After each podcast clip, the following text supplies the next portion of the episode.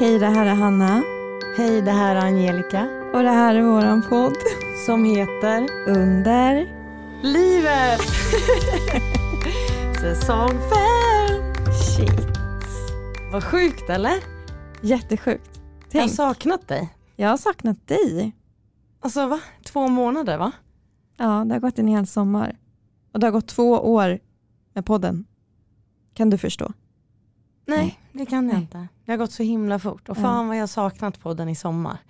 Jag med. Och alla ni som skriver så fint att ni saknar podden och att ni längtar efter nästa släpp och sådär. Alltså fortsätt, ni är så jäkla gulliga. Det är eran kärlek som får oss att eh, peppa vidare och orka jobba med det här. Så det är skitkul att vara tillbaka. Tack för alla fina meddelanden. Hur mår du Angelica?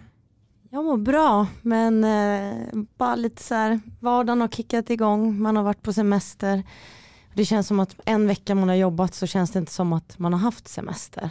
Du vet, du känner kanske samma, men det har ändå varit så här jättebra sommar efter den här herpesgrejen som har varit helt fruktansvärt som jag menar av fortfarande. Liksom. Lyssna på ett av avs- förra avsnittet så fattar ni. Så att jag ska verkligen inte klaga. Men jag mår bra. Eh, jag har varit eh, runt om i Sverige, hälsat på kompis i Karlskrona, jag har varit i Alingsås, jag har varit i Finland med, i mitt hus, eh, fixat i trädgården där. Eh, och med liksom allting som behövs rivas och göras nytt. Och sen har jag varit i Italien och åkt runt där.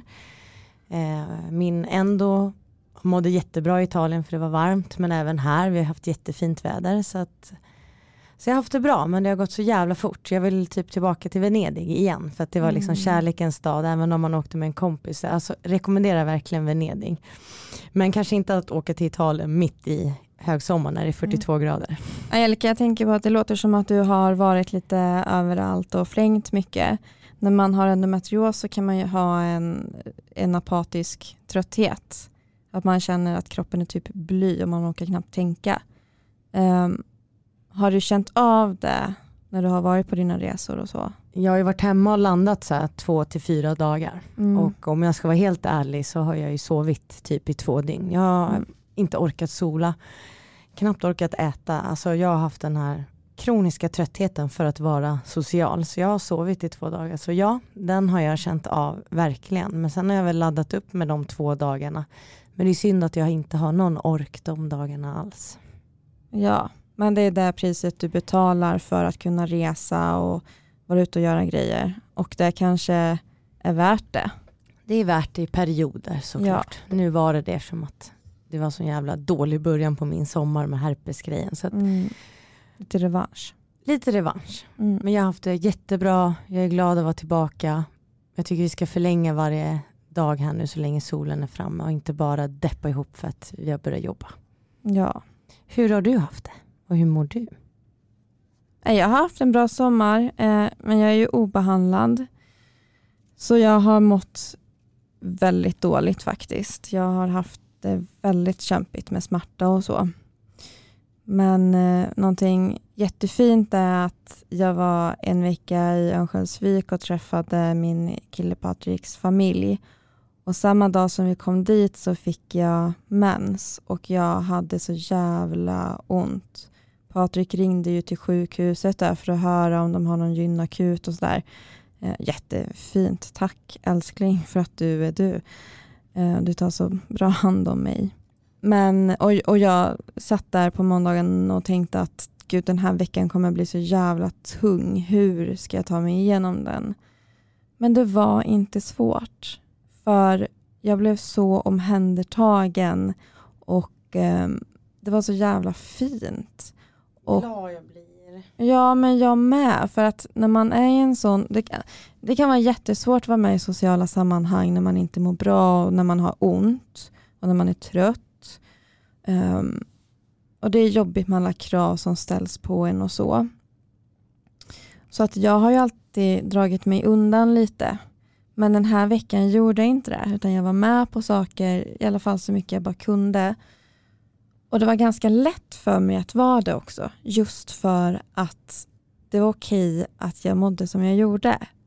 Och jag blev omhändertagen i det. Det var så jävla fint och tryggt. Och jag är så glad över att jag får ha den här positiva upplevelsen att man kan ha en helt fantastiskt underbar vecka fastän jag har de här sjuka smärtorna. Och jag kräktes ju. Jag eh, fick sova någon timme under dagen och sådär. För alltså jag hade ju mina strategier också. Um, men jag är bara så himla glad. Jag, det känns lite som att jag växte i det på något vis. Men det är ju det, jag la upp ett inlägg också här igår, eller om det var två dagar sedan, just hur mycket kraft det tar för oss. Och jag vet precis vad du menar, jag tycker det är så fint att du har kunnat vara med på alla aktiviteter Ja, och minnas det som något bra, fast Mm. du hade ont. ja precis. Det blir lite KBT faktiskt. Då blir det lättare att våga vara med nästa gång. Liksom. Ehm, vi ska inte trötta ut er. Vi har ju gäster med oss i studion. Två stycken kickar vi igång säsong fem med. Ah, och de får presentera sig själva. Så vi kör en jingel. Ja.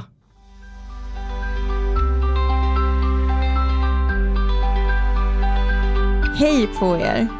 Hej. Hallå! Vad kul att ni är här. Alltså det är så kul att vara här. Jättekul att podda, älskar det. Och full studio, fyra pers är vi nu. Mm. Ja, det är så kul. Yes. Inga fler på, på plats. Nej. Vill ni presentera er? Kör du Åsa. Jag heter Åsa Ekman eh, och jag är ju här för att jag är doula och har stalkat er lite och eh, älskar ju att prata kvinnohälsa och eh, kvinnofrågor. Eh, så därför är jag här. Då har du hamnat rätt. Mm, toppen, kul. Och jag heter Anna Bjelkefelt och jag är också doula och eh, jobbar tillsammans med Åsa i doula-gruppen där vi har en ja, rad massa olika projekt som vi gör. Och då blir ju den första frågan, vad är en doula för någonting? Mm. En doula är en eh, stödperson till den som föder och det är inte bara under förlossningen utan också under graviditeten och första tiden efteråt. Så en doula är ju ofta en utbildad person. Det kan vara en kvinna eller en man, oftast en kvinna. Eh, som är tränad i och har erfarenhet av att ge stöd eh, utifrån vad kvinnan och familjen behöver. Det är korta beskrivningen. Ja, och det är, det är ju så att vi, vi brukar säga att vi, vi dolar alla i rummet. Så att vi, vi är ju även ett stöd för partner eller när man har en annan stödperson med sig. Det är ju en person till i det födande rummet som har lite mer erfarenhet och kunskap om födandet och vad den födande kroppen behöver och hur vi får tag på kraften. Och, Någon som inte är eh, känslomässigt engagerad så som partnern är. Vilket Mm. gör att man kan stå utanför lite mer.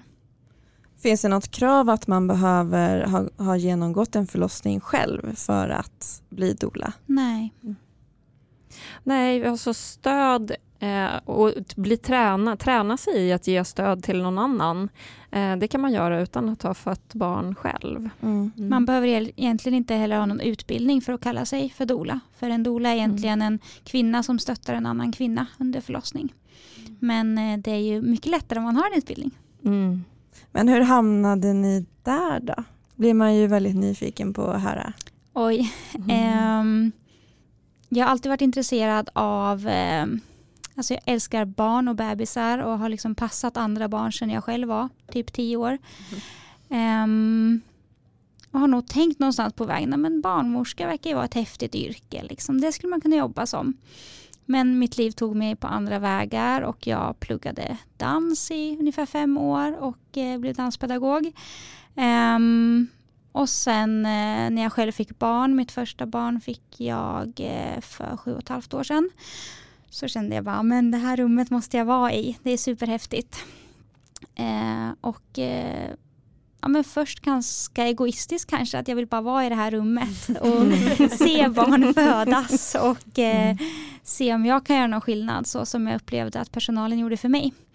Eh, sen har min, mitt varför ändrats extremt mycket under de här sju åren som jag har jobbat snart. Eh, så nu drivs jag mycket mer av eh, att förändra eh, och eh, stärka kvinnor att få tillbaka makten över sina kroppar och veta vad de har rätt till, vilka rättigheter de har och eh, ja, jag ryser själv när jag pratar om det. Det är så starka frågor. Så nu eh, är mitt varför helt enkelt väldigt annorlunda. Gud vad fint. Mm. Och du Jag har, också, jag har också haft en barnmorskedröm, men jag har heller inte haft någon längtan efter att jobba inom vården egentligen. Eh, Så jag har gjort andra saker genom livet eh, Men sen hade jag också en ganska, jag hade en väldigt jobbig förlossningsupplevelse själv. Eh, Jag födde barn ganska ung eh, och tyckte att det var jättejobbigt och fick, eh, har ägnat lång tid åt att ja, men så här, förstå vad som hände och också läka den upplevelsen. Ehm, och ehm, ja, sen när barnen är stora och jag börjar fundera över så här, men vad längtar jag efter, vad finns kvar, så här, vad vill jag göra mer? Eh, så hittade jag dolandet mm, och ett sätt att få vara i födande rummet utan att ha det medicinska ansvaret och, och jobba som barnmorska utan ändå få vara där. Eh, och det har på något sätt så här slutit cirkeln. Det är, det är så fint. Och också min egen upplevelse har ju, jag har ju fått en helt annan kunskap om min egen upplevelse och att jag kanske inte fick de bästa förutsättningarna.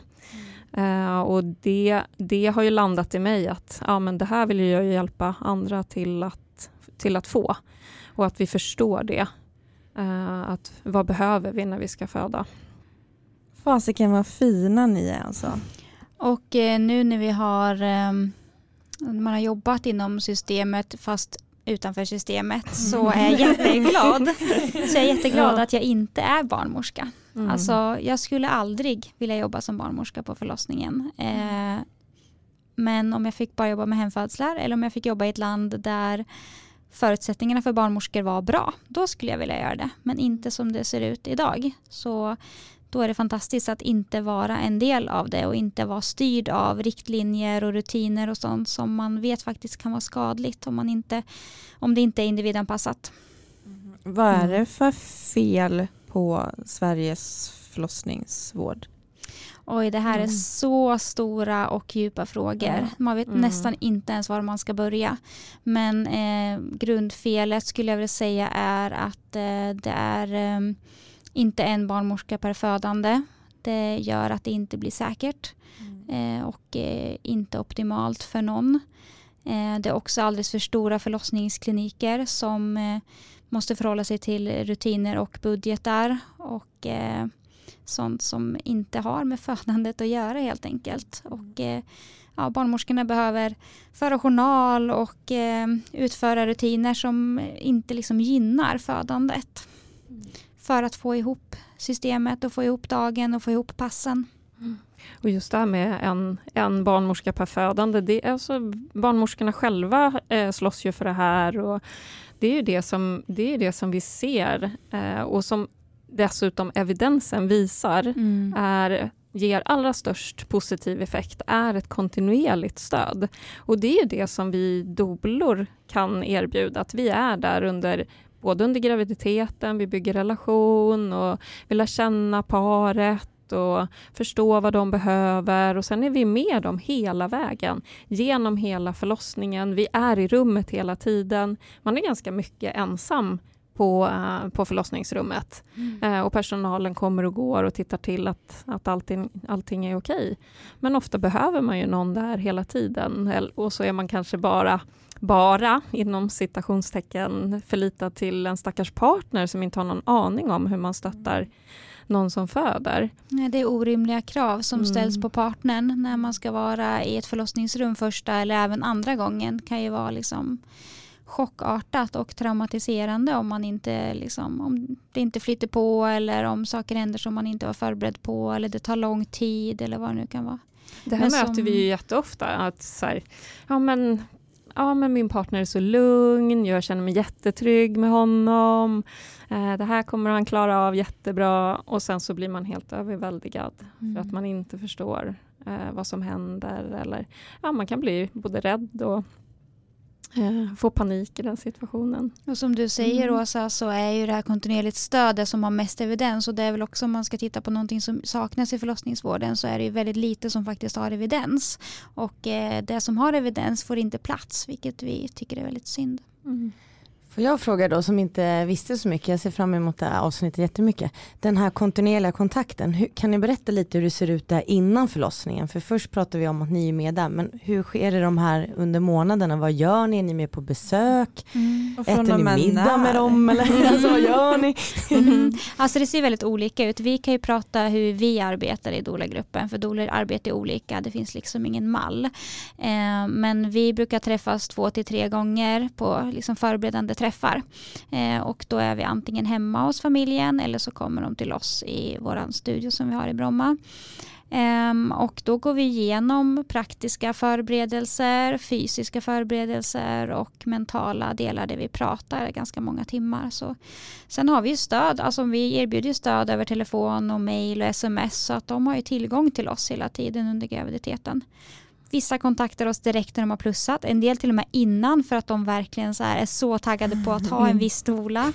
eh, och som har, liksom, eller som har en traumatisk upplevelse bakom sig och bara verkligen vill säkra upp att så här, jag ska ha den här doulan. Mm. Eh, och en del kontaktar oss när det är typ ett par veckor kvar till BF och då hinner man ju inte så jättemycket förberedelse bygga relation men det kan ändå göra stor skillnad. Mm. Jag tänker så här om man eh, ska gå på ett besök och sin partner inte kan följa med, om man inte har någon, kan man fråga er då och följa med som Absolut. stöd? Mm, absolut. Mm. Mm. Mm. Det kan man göra om man ska till liksom MVC eller rutinultraljud eller alltså, vi kan ju dola vid ett missfall eller vid en abort eller vid ett kejsarsnitt. Det finns ju massa olika. IVF-besök. Det har vi fått göra en del under covid också, bara vara den här standby-personen ifall partnern är sjuk. Just det. Mm. Vad händer då? Jag vill inte föda själv. Eller stöd hemma att- under latensfasen om man är hemma i Mm. början av förlossningen och eh, sen inte får ha med sig två stödpersoner. Mm. Så kan man ändå kanske vara hemma ganska mycket längre om man har mycket stöd. Mm. Men vad kostar det då? Eh, det, Det är är också olika. väldigt olika. Ja, Mm. Jag skulle säga standard i Stockholm är väl kanske från 12 000 till 22 000 ungefär. Så någonstans däremellan eh, om vi pratar Stockholmspriser. Och det beror lite på erfarenhet och bakgrund och så vidare. Och också hur mycket man, många gånger man träffas och Mm. ja, vad som ingår. Mm. Vad är det Mm. för slags personer som anlitar en? Ehm, jag skulle säga att det är väldigt, väldigt brett. Alltså för det Mm. första behöver man ju ha den ekonomiska möjligheten. Även om många doler erbjuder avbetalning, man kan använda friskvårdsbidrag från båda parter och så vidare. okej. Wow. Så det finns ju massa olika sätt att komma runt det. Man, man kanske inte behöver lägga 30 000 på en barnvagn. Man kanske kan lägga 10 000 på en barnvagn och sen ändå ha råd med en doula till exempel. Mm. Och man kanske kan önska sig bidrag till den när man fyller år eller julklapp eller istället för en baby shower eller vad som helst. Eh, så att alltså jag skulle säga att de allra, allra flesta har råd. Ehm, vad var frågan nu igen? Vad är det Vil, vil, vilka människor Ja, vilka människor. Vilken typ av... ja, alltså Ja. jag kan inte säga en speciell grupp men kanske lite mer högutbildade Mm. skulle jag kanske säga generellt. Men det är inte bara. Liksom. Men jag dolar ju väldigt många omföderskor. Eh, de som har haft en födsel innan som inte blev bra. Mm. Eh, så att det är väl en vanlig fördom att ehm, det är mest eh, förstisar som anlitar doula. Och jag skulle nog säga att det är lite mer omföderskor enligt min erfarenhet. Men det blir fler och fler eh, som även anlitar vid första. Mm. Och det, det är så fint. Det är så bra att få en första, en bra upplevelse redan första gången. Än att man ska behöva ta revansch den andra gången, Mm. vilket, vi, vilket vi ofta möter. Man bara, nej det där var inte kul. Vi det behöver ju inte bli så liksom. Mm. Ehm, att man måste ta en revansch. Man kan Nej. få en stärkande upplevelse även under det första barnet. Och att Och här är, inte, här är inte dolan heller avgörande för hur upplevelsen blir. Men, men det, vi brukar prata om att skapa goda förutsättningar och då finns det olika saker vi kan göra och att ha en dola med sig är en sån. Eh, sen kan man göra andra saker för att förbereda sig och eh, förstå vad man står inför och vilken stor förändring det är i livet också. Eh, för det, det, det här ger ju också en bra start på föräldraskapet, att vi går stärkande ur den här upplevelsen, Mm. att vi inte blir omskakande och kommer ur den eh, omskakade, utan Mm. att vi så landar mjukt och bara, ja, Mm. Nu ska vi, för nu ska man ta hand om den här bebisen och hela den omställningen som det är i livet. Det är lätt Mm. att ha en bild av att så här, man, man ser gravida gå runt på gatan och sen så kommer de ut från sjukhuset med en bebis. Liksom Mm. det, man missar liksom hela den här Mm. stora transformationen, allt på alla plan som sker när man föder barn. Det är inte bara att åka in till sjukhus och komma ut med en bebis i famnen. Det är liksom, man är förändrad för alltid. Eh, Mm. det, det är verkligen så. Mm. Vad brukar vara den största rädslan då som den födande har inför förlossningen? Um, man är rädd för att tappa kontrollen. um, och där brukar vi prata om att det är, eh, det är ganska lite i födandet som vi kan kontrollera, men vissa saker kan vi kontrollera. Så var och med vilka personer och hur, stämningen, hur vi vill ha det i rummet, hur vi vill känna. Det kan vi ta kontroll över och det jobbar ju vi tillsammans. Man kan ändå Kring. förbereda sig liksom, fast Mm. man inte kan ha kontroll över allt. Mm. Och, och till visst mått så behöver man också tappa eller släppa kontrollen. Eh, för vi behöver så här, lämna lite den här världen och gå väldigt mycket inåt och känna oss trygga och göra det för att kunna föda. Eh, så kontrollen, ja, Ja. den kan jobba både för och emot oss. Eh, Många är man- också oroliga för att inte få stöd. Att eh, barnmorskan inte kommer vara på rummet så mycket som man vill. Att de inte kommer ha tid att liksom låta förlossningen ta tid. Att de kommer vilja skynda på på olika sätt. Och, att man vill låta kroppen föda i sin egen takt och skapa förutsättningar för att den ska kunna göra det. Då är ju stöd en väldigt viktig del. Det jag läste på lite som jag tyckte var väldigt fint, ni får gärna bekräfta om det är så, det är ju det att man kan få en dola på sitt hemspråk. Mm. Jag vet inte hur Mm. vanlig, eller, men jag tyckte det var väldigt fint för att just i den där så kanske, ja men den här eh, yrke, alltså, vårdspråket kanske inte går in på samma sätt. Då är det skönt att ha någon som pratar Mm. sitt eget språk, tänker jag. Det måste vara en jättetrygghet. Mm. Mm. Kulturtolkstolar Ja. har ju kommit de senaste åren som finns på fler och fler ställen nu vilket är fantastiskt för alltså de här språkmissarna som sker kan ju skapa jättestora bekymmer och jätte, bli- få jättenegativa följder. Eh, och man har också sett att ja, men rasism existerar även inom förlossningsvården och eh, att Mm. ha en extra person där som eh, Bevittnar står, ja, och- precis. Mm. Det minskar ju risken för att de grejerna uppstår så det är ju ja, ett superviktigt arbete. Mm. Och det är ju finansierat så det betalar ju inte de gravida ur egen ficka. Mm. Mhm, gud vad bra. Gud vad Mm. bra, Nej, men jag Mm. läste på, jag tyckte det var Mm. väldigt fint Ja, det är att känna det stödet. Verkligen. Det är så bra. Om man, dess, om man ska man föda och man dessutom inte förstår språket, Mm. det blir ytterligare ett lager av otrygghet och osäkerhet. Ja. Verkligen. Och där kan man ju säga Mm. att ja, men även om man pratar svenska så är det ju säkert mycket som man ändå inte förstår. Och att då ha en dola som så här, ja men det här betyder att de vill det här eller det här. Eller att man i förväg har hört att ah, okej men en intervention det betyder att och det kan leda till och Mm. de här alternativen har jag. Så det är ett sätt att översätta också. Eh, Även om man pratar samma språk. Har ni någon medicinsk kunskap? Jag tänker så här med mediciner eller ni är mer inne på vårdtermerna? Eh, generellt har ju inte en doula medicinskt Nej. ansvar. Eh, men sen finns det ju de doulor som har, man kanske är undersköterska eller sjuksköterska men generellt inte. Men eh, de flesta doulor, jag skulle i alla fall säga de närmsta som vi jobbar med är väldigt, väldigt liksom nördiga. Så att om man lyssnar ibland på barnmorskor eller pratar med barnmorskor så alltså man förstår allt de pratar om och ibland är det nästan som att ja, men nyutbildade barnmorskor har sämre koll på vissa sätt än vad vi har för att vi är så nyfikna och läser på om forskning och håller oss uppdaterade om rutiner och liksom. Eh, så att det är ett väldigt, väldigt stort intresse som gör att vi lämnar inte bara jobbet när vi åker hem.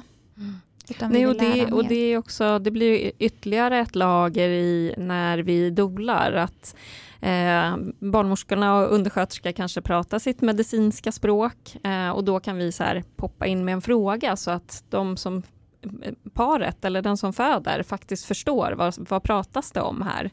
Eh, så att om, om det inte rikt, riktigt förklaras eller att man förstår vad som, vad som ska göras eller vad som föreslås. Jag tycker också Mm. att det är viktigt att doler känner till till exempel vilka sjukhusrutiner som finns och det är inte bara så här vilka som finns utan vad det är för för och nackdelar, vad man har för rättigheter och vilka alternativ som finns och då behöver man ju ha kunskap om det också. Mm. En annan sak som eh, många är rädda för är att brista. Bristningar. Det är ganska vanligt att man är rädd för det.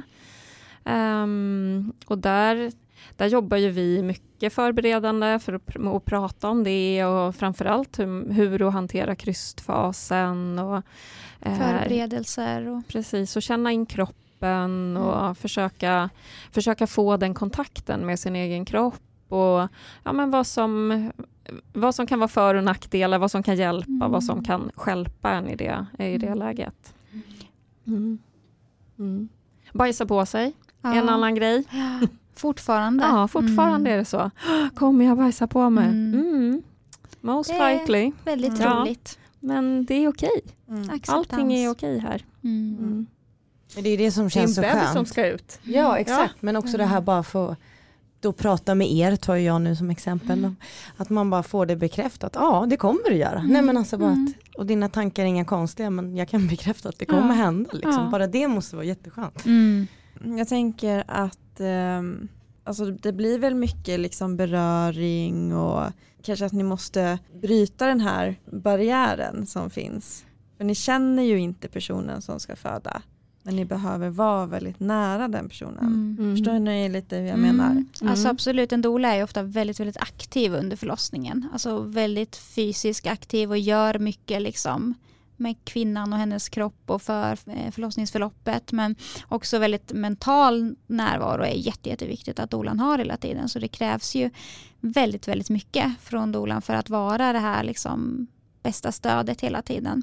Och ta vara på sig själv också och liksom äta och dricka och gå på toa om man behöver vila och sånt.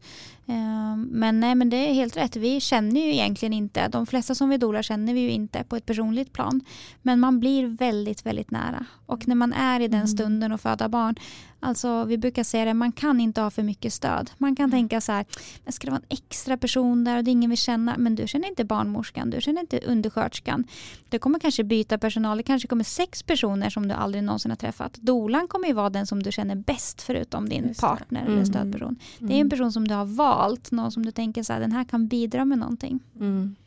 Ja, och att vi har träffats innan, för jag förstår precis den här, det här som du nämner, att man så här lite kliver in i ett space och eh, också när det gäller beröring och att det, det är ett intimt ögonblick. Ehm, att vi är där. Men jag upplever alltid att vi, just att vi träffas, att vi bygger relation. Redan på första församtalet brukar jag öva på lite strykningar, lite massage. Vi gör, så att jag har redan rört henne vid första, om hon tycker att det är okej. Det är alltid så här, är det okej att jag rör din kropp? Eh, jag har haft ett församtal idag och det är så här, jag är vi har träffats ett par timmar och jag är redan där och stryker på hennes rumpa och, Mm. och så skrattar vi åt det och så är vi liksom är vi lite igång.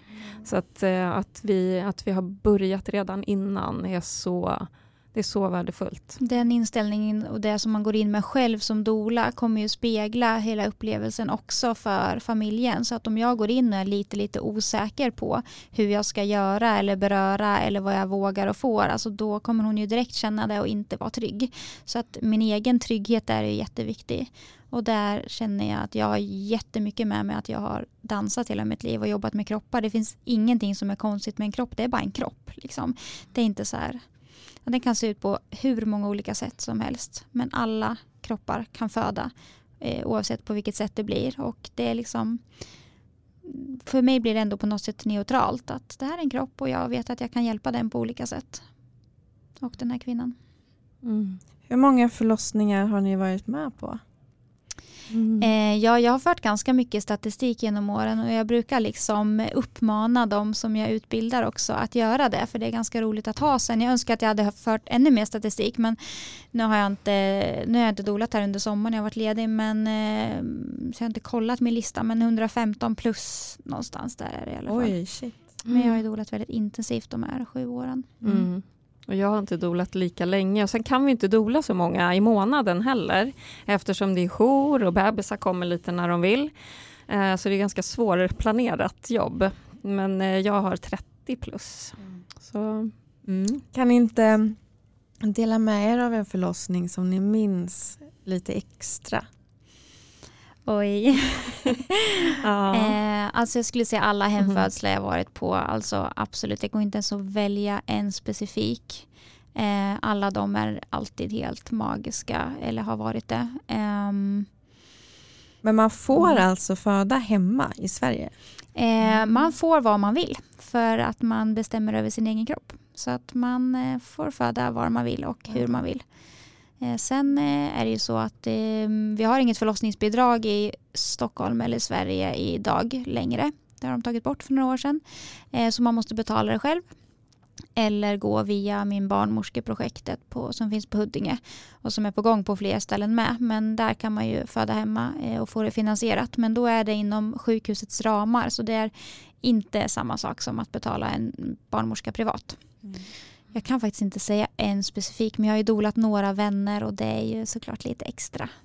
Mm. Vattenfödslar är också något alldeles ja, speciellt. Det var det, det var det som dök upp hos mig. Mm. Uh, vattenfödslar som går eh, lugnt och stillsamt, eh, där kvinnan ja, man kanske inte ens krystar, bara andas igenom och låter kroppen bara göra sitt jobb.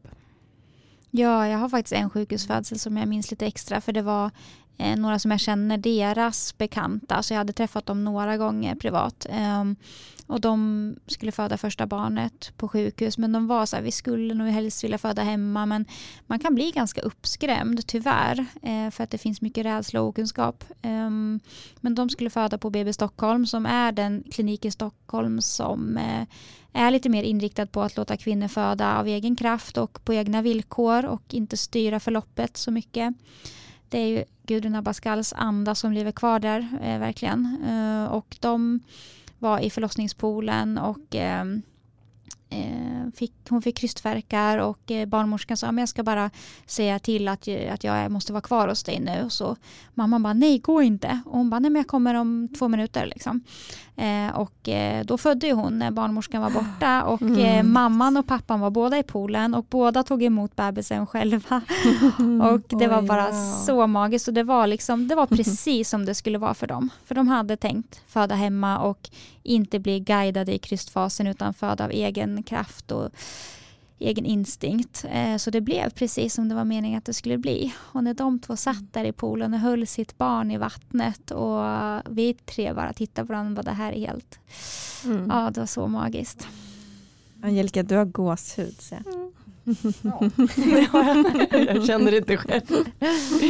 Ja. Mm. Men det låter så himla vackert bara.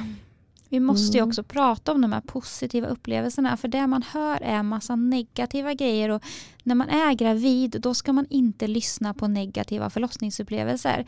Man ska absolut ta till sig information om sjukhusen och hur systemet fungerar och saker, liksom biverkningar av mediciner och så vidare. Det tycker jag absolut, även om man helst skulle få veta det innan man blev gravid. Men då kanske man inte är så intresserad. Men eh, åtminstone liksom stänga av alla negativa berättelser och kommentarer. Och där behöver ju omgivningen också vakta sig ja, lite. Verkligen. Det syns ju på oss när vi är gravida och helt plötsligt är det både tillåtet att kommentera kroppen, mm. det är tillåtet att röra kroppen ja. eh, och berätta allt möjligt som mm. man själv har varit med om.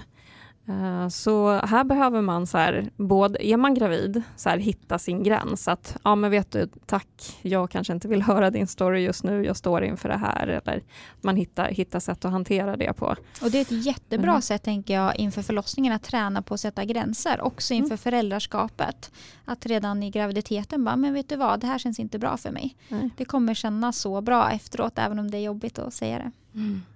mm. Ja, men ni säger ju på er Instagram att um föderskor inte är tillräckligt förberedda. Mm. Vad är det som ni tänker på då? Mm.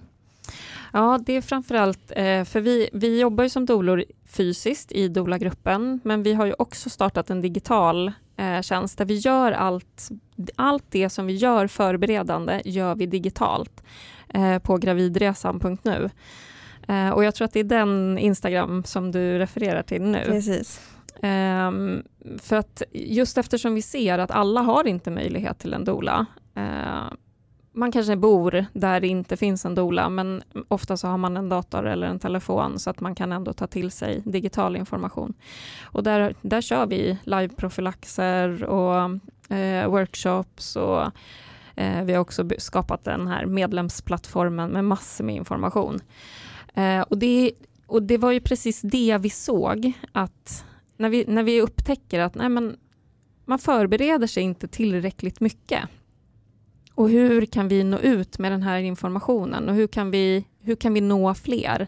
Det var där hela den idén föddes, för vi kan Mm. bara dola ett visst antal Mm. och hjälpa ett visst antal till bättre förberedelser. Ja, så att de som vi dolar märker vi vad de har för kunskap och vad de saknar för kunskap. Eh, så det var någonstans där som vi började märka att så här, okej, men om det här är de vi möter och vi möter ju liksom, om jag har dolat 115 så har man kanske mött 200 för vi jobbar också med profylax och så. Ehm, då blev det ganska tydligt, okej, men all den här kunskapen, eh, man får inte all den här kunskapen någon annanstans ifrån. Många går till mödravården och där har de sina liksom, rutiner. Det här ska vi bocka av idag. Det finns oftast inte så jättemycket plats för att eh, ställa frågor eller att verkligen få information. De som jobbar där jobbar också på ett sätt inom systemet vilket gör att man kanske inte kan förhålla sig neutral till allting eller kritisk eller till någonting. Ehm, så att det är mycket information som vi upplever att eh, man inte får helt enkelt. Framförallt information skulle jag säga, den Mm. typen av förberedelse. Ja, och, och som födande själv, vi möter ju också den, ja men kvinnor har ju fött barn i alla tider, det här ska väl jag också klara av. Ja, och det kommer du att göra. Din kropp kommer att föda, du kommer att föda på ett eller annat sätt. Men hur upplevelsen blir, det kräver förberedelse. Vi, vi gör massor med andra saker. Vi åker inte ens på en resa utan att förbereda oss. Och Det här är samma sak. Det här är också en resa som du är på. Du behöver förbereda dig tillsammans med din partner. Du behöver se till att du har stöd. Så det är superviktigt. Gud vad Mm. bra sagt. Ja. Det här en resa var jättevackert. Mm. Alltså systemet är ju inte helt optimalt för den födande kroppen att föda i och det är en anledning till också att man behöver förbereda sig. Får jag fråga Mm. en grej? Hur bemöts ni? Alltså nu ska man inte prata men får ni lite händer i ansiktet eller så här, nej backa här nu eller hur, hur blir ni bemötta av vården när ni följer med in på förlossningen? Det här är ju kanske det svåraste med att vara doula. att vara liksom alla till lags, någonting som vi kvinnor ställs för hela tiden i vårt liv eh, och kanske på sin spets när vi hamnar i den här situationen som är väldigt hierarkisk. Det är väldigt tydligt vad man har för olika roller och där är dolan längst ner. Absolut. Eh, jag tycker fortfarande att det här är jobbigt, hur, även om jag har dolat så mycket som jag har. Eh, jag skulle säga att man får ha lite humor och man får också ibland spela lite dum. Till exempel om de tycker att, man ska göra, att mamman ska göra en viss sak.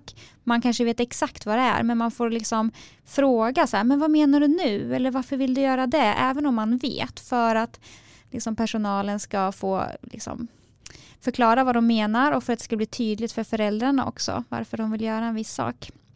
Ehm, man får också inte vara för rädd för att eh, inte bli omtyckt av alla. Utan att säga okej, men här går vi inte liksom exakt i samma linje. Men jag måste i första hand se till att föräldrarna får en så bra upplevelse som möjligt och får det som de vill ha det.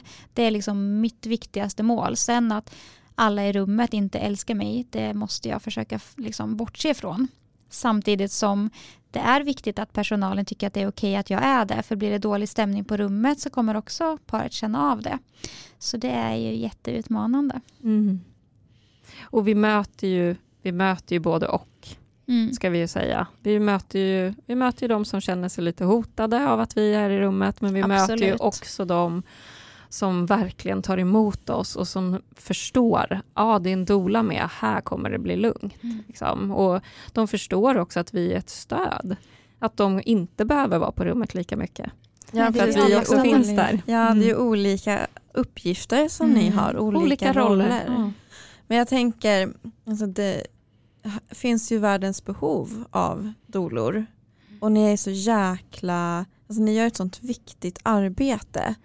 Jag förstår inte varför man inte får det här i sin ordinarie vård så att Mm. säga. Mm. betalt av regionen. Mm. Vi tycker också att eh, doula borde vara för alla. Sen har ju vi tittat på det här många, många varv och som vi ser det nu så är vi väldigt glada att vi inte är anställda, att det inte är landstingsfinansierat att få en doula för att då skulle vi behöva förhålla oss till massa saker som, vi, som gör att vi inte är fria i vårt arbete och som gör att vi inte kan individanpassa det stöd som vi ger. Eh, men eh, vi tycker att man borde kunna få liksom, bidrag eller att man eh, det bästa vore om den gravida fick en peng som följde henne. Nu är det mer att kvinnan måste jaga pengarna där det finns en plats och pengar dit åker jag och föder.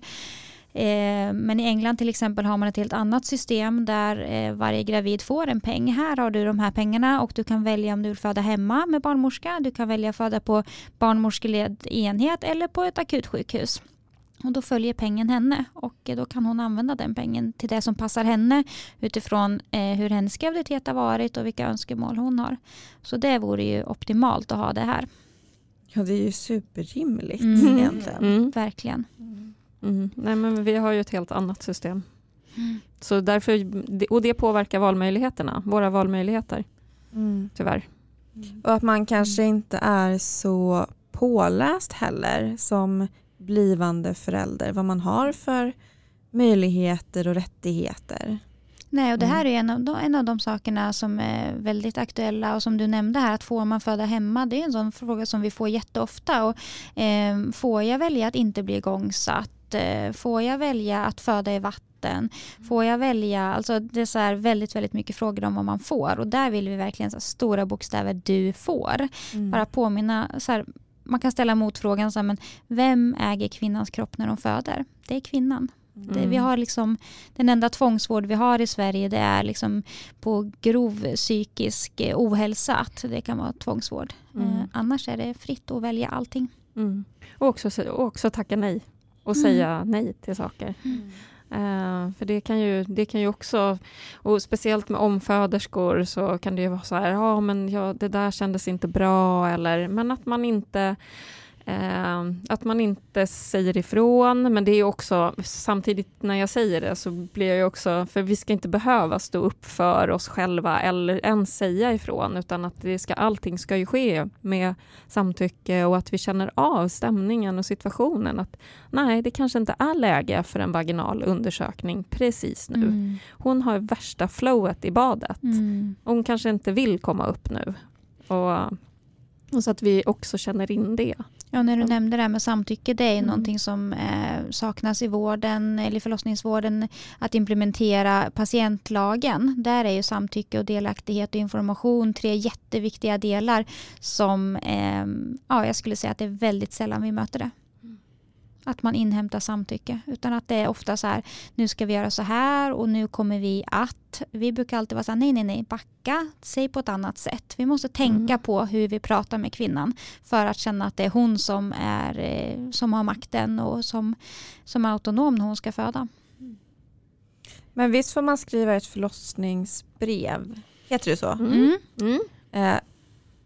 Jag har ingen aning om vad som står på dem där men jag vet, känner till att man skriver ett. De flesta skriver förlossningsbrev. Det är liksom ingenting som man får i uppgift av mödravården eller så utan där brukar man sammanfatta lite i journalen hur graviditeten har varit och om man har några speciella önskemål. Där kan det till exempel stå jag vill I ha en journalen Ja, alltså. i journalen. Mm. Så här, jag vill ha en Mm. tidig epidural eller jag vill inte ha epidural. Eller ehm, jag vill, eh, ja men det kan vara liksom väldigt så här medicinska grejer eller speciellt. Jag har högt blodtryck kanske de sammanfattar med.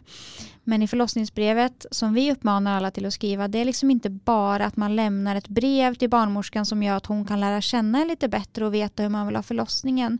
Utan det är också liksom den mentala förberedelsen som det innebär för mamman och föräldrarna att skriva det här brevet. Så det är liksom en del i processen att, att skriva om man kan skriva i början av graviditeten och sen läsa efter några månader och säga men gud nu tänker jag helt annorlunda och sen har man tänkt på kejsarsnitt några gånger då vill man skriva lite om det blir kejsarsnitt tänker jag så här och så ändrar man igen.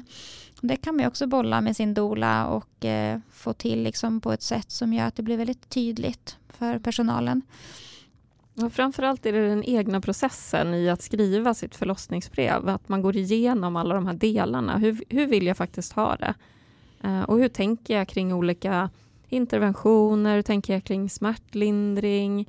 eh, en vanlig sak att skriva är till exempel att jag vill inte ha några förslag kring medicinsk smärtlindring utan jag ber om det om jag vill ha det för det kan, det kan komma så här, ja och så har vi epidural eller vi har lustgas eller att det finns. Och då kan man och då ta kan man det. liksom. Ja, och då Mm. kan man direkt börja tänka så här, jaha, behöver jag det nu? Eller, Går det dåligt för mig? mm. Mm.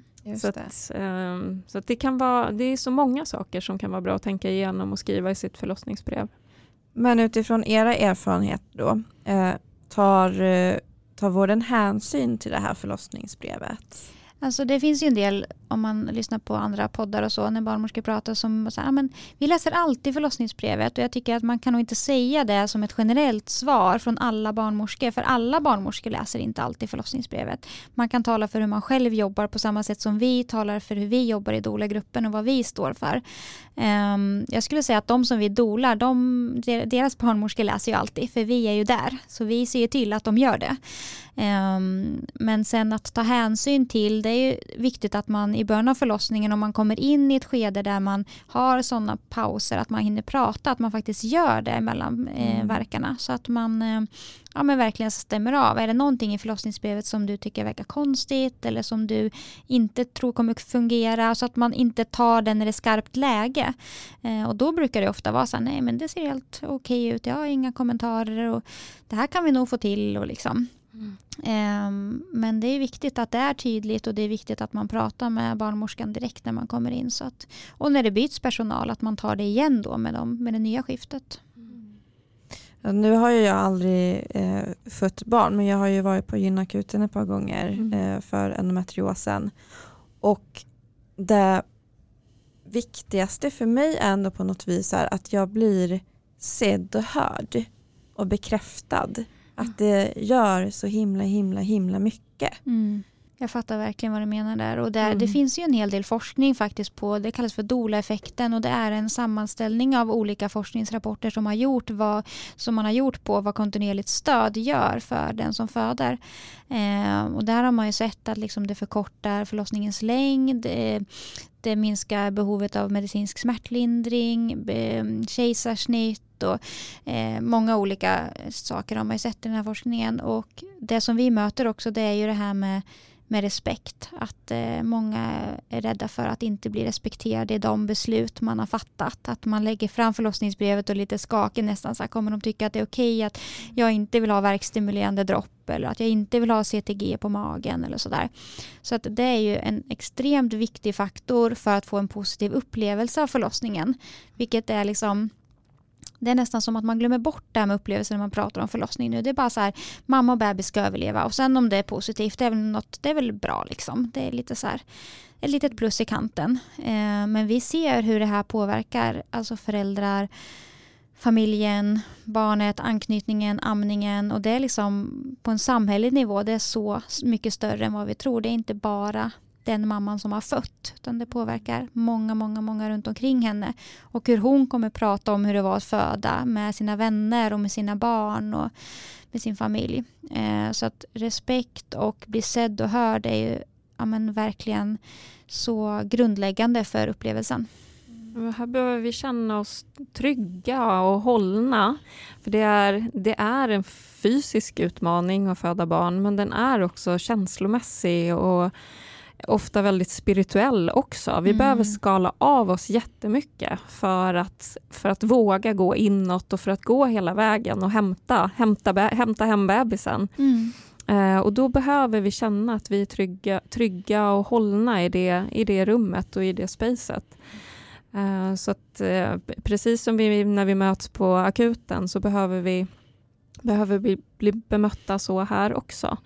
Och att vi att, vi, att alla känslor får plats. Eh, här kan vi behöva gråta en stund och att vi inte behöver känna att vi ska hålla ihop oss och vara Nej. duktiga, att vi ska vara bra föderskor för personalen eller att det är en prestation utan alla föder olika och det behöver få ske på det sättet som det gör. Ja, och i vården kanske man inte alltid har resurser. Jag vet ju att många barnmorskor vill ju vara på rummet och det kan ju finnas en frustration från deras sida också när det kommer en doula. Så vad fasen, hon får vara kvar nu när mitt skift slutar eller hon får vara Mm. kvar när jag måste gå till en annan mamma. Eh, så den... ehm, där kan det lätt bli att man ja, men ger en lustgasmask eller sätter en epidural för att man inte kan vara det här nära stödet. Men vi kan ju verkligen få en mamma som liksom är i panik att bara liksom lugna ner sig och jobba med kroppen genom att bara bekräfta henne i det hon befinner sig i. Vi ser ju ofta att kvinnan behöver, liksom, som Åsa säger, ner i liksom mörkaste mörka för att sen komma upp igen. Och att man då inte som stöd vacklar eller blir rädd eller stressad eller orolig eller tappar tilltron utan bara stå stadigt i det. Och bara, vi vet att du behöver gå dit och du klarar det här. Och då, det gör så enormt så skillnad. Det är så fantastiskt. Har ni varit med om några förlossningar där ni har känt er rädda? Eh, för personalen. Eller för liksom vad de vill göra. Eh, inte rädd, jag har aldrig känt mig rädd för ehm, Alltså jag har aldrig känt mig rädd för förloppet, vad som kommer hända med förloppet. Sen har jag känt mig rädd när det blivit ett urakut snitt till exempel. Det var ett par som jag känner, eh, att då blev jag rädd för att eh, något skulle hända liksom med mamman eller barnet när de rullade iväg och jag och pappan inte ens fick följa med. Um, sen har det varit mer så att man är orolig för men oj, kommer de vilja sätta igång henne nu eller um, kommer jag som doula få följa med nu när det är pandemi eller hur kommer det gå för dem nu när de åker in själva på en kontroll eller liksom sådana grejer. Men Alltså jag tror att rädslan ska man försöka hålla borta så mycket som möjligt från förlossningar. För det skapar risker och det skapar komplikationer. Och det känner mamman också av. Har du varit mm. rädd någon gång Åsa? Nej. nej. Nej, jag sitter och tänker efter. Och nej. nej. Men hur är det, pratar ni liksom i er grupp om traumatiska händelser som har hänt? Eller idag var jag med om det här, jag behöver mm. bara få mm. ventilera eftersom att du säger att det är viktigt att inte alltså ändå stå stadigt. Men ni måste ju mm. också få utlopp och prata ja. med varandra eller har ni någon? Mm. Absolut. Hur har ni på jobbet? Ju, ja, vi har det på jobbet. Ja men där är det ju så fint att, att ha varandra. Vi kan ju aldrig vi kan aldrig dela specifika detaljer, för det här, är, det här är personer och vi måste värna om deras integritet. Men min egen upplevelse kan jag ju alltid ventilera och prata om. Eh, så där, eh, och det är jätteviktigt och, och kunna göra det och ha någon, och, eh, ha någon att bolla med. Ja, vi är ju fem doler i doula-gruppen men vi har ju väldigt många externa doler som backar upp oss. Vi har alltid två doler per uppdrag så att det finns ju alltid någon man kan ringa till och det är jätteviktigt att briefa efter en förlossning. Mm. Alltså man kan åka hem till sin sambo eller prata med någon annan vän men de fattar inte riktigt liksom. Så man mm. behöver prata med någon som har varit i det rummet och som har sett vad, liksom, liknande saker. Mm. Så att det är jätte, jätteviktigt och ens backup kan man ju alltid prata väldigt fritt med för det är ju som också har träffat familjen så då kan man ju prata fritt på ett annat sätt. Ja för det är den där backupen, jag tänker vad skönt att ha den för ni har ju tystnadsplikt mm. och sådär men just att man har någon som kanske har träffat paret eller så mm. innan att man kan bara få ventilera mm. som era upplevelser. Jätteviktigt. Mm. Men sen får man hitta andra personliga sätt också. Alltså, eh, att ta hand om sig, hand om och, sig. Ja, och, och, hålla, sig. och hålla. För det Eh, en förlossning kan ju pågå ganska många timmar. Ibland så tömmer man sig ordentligt eh, och då eh, behöver, behöver hämta hem igen. tar några dagar. Mm. Mm. Ibland kan det ta ett par dagar faktiskt. Ja, men bara så här med mat och nej, men alltså mm. sömnen, mm. alltså måste ju ta mm komma tillbaka som du säger alltså, några dagar. Basala behov är liksom ja, så aktuellt i mitt liv. Det är så jätteviktigt. Jag är som så Skalmans mat och sovklocka som ringer. Eh, men det har man mm. blivit bättre på, liksom, att eh, lyssna på de behoven. För att jag vet att jag är inte ett bra stöd om jag inte har sovit och ätit. Och också att vi byter av i väldigt långa förlossningar. Då kommer ofta backupen in. Eh, och det är det också en person som paret redan känner eller familjen. Eh, så att då kan det vara jättebra att det kommer in någon som har sovit och ätit och kan vara ett jättebra stöd. Även om mamman bara nej ska du gå. Men mm. det brukar bli jättebra. Mm. Då är vi tillsammans allihop en stund innan man lämnar. Mm. Nu har jag två mm. sista frågor.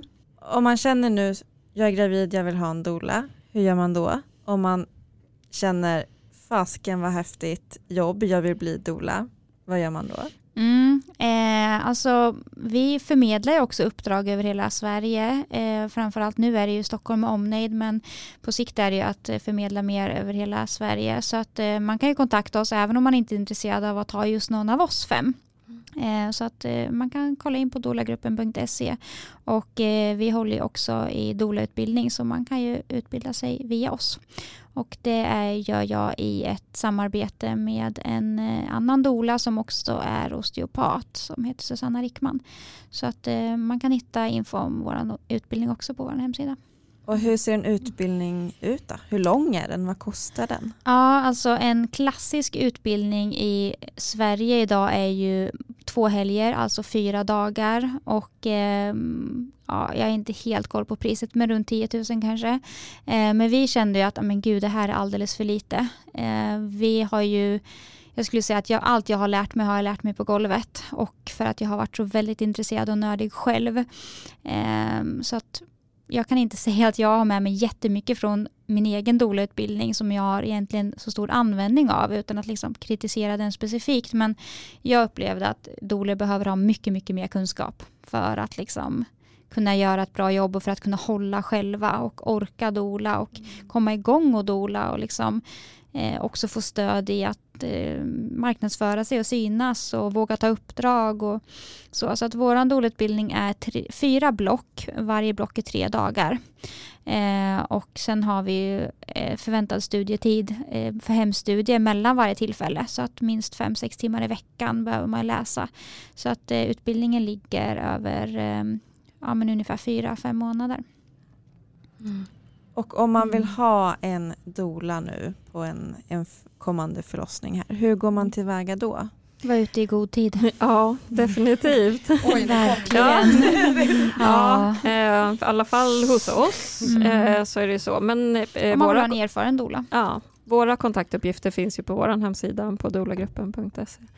Så där hittar man ju oss om man vill ha någon av oss. Eh, nu fyller vi på kalendern de som ska föda i eh, mars, mm. april.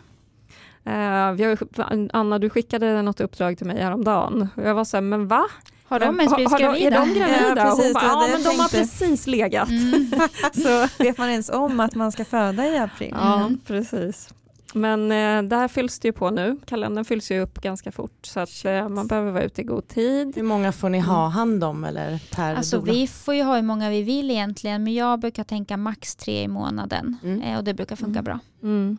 Det är också för att man ska kunna fokusera på dem som, eh, man vill ju finnas där för dem och eh, vara närvarande.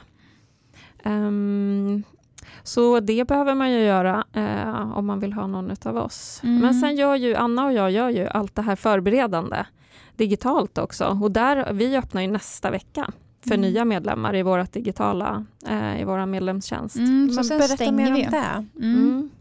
Kör du Åsa. Du har um, din rant på det ja, där. det är, alltså, det är som en prenumerationstjänst, eh, en medlemstjänst som, ungefär som Netflix.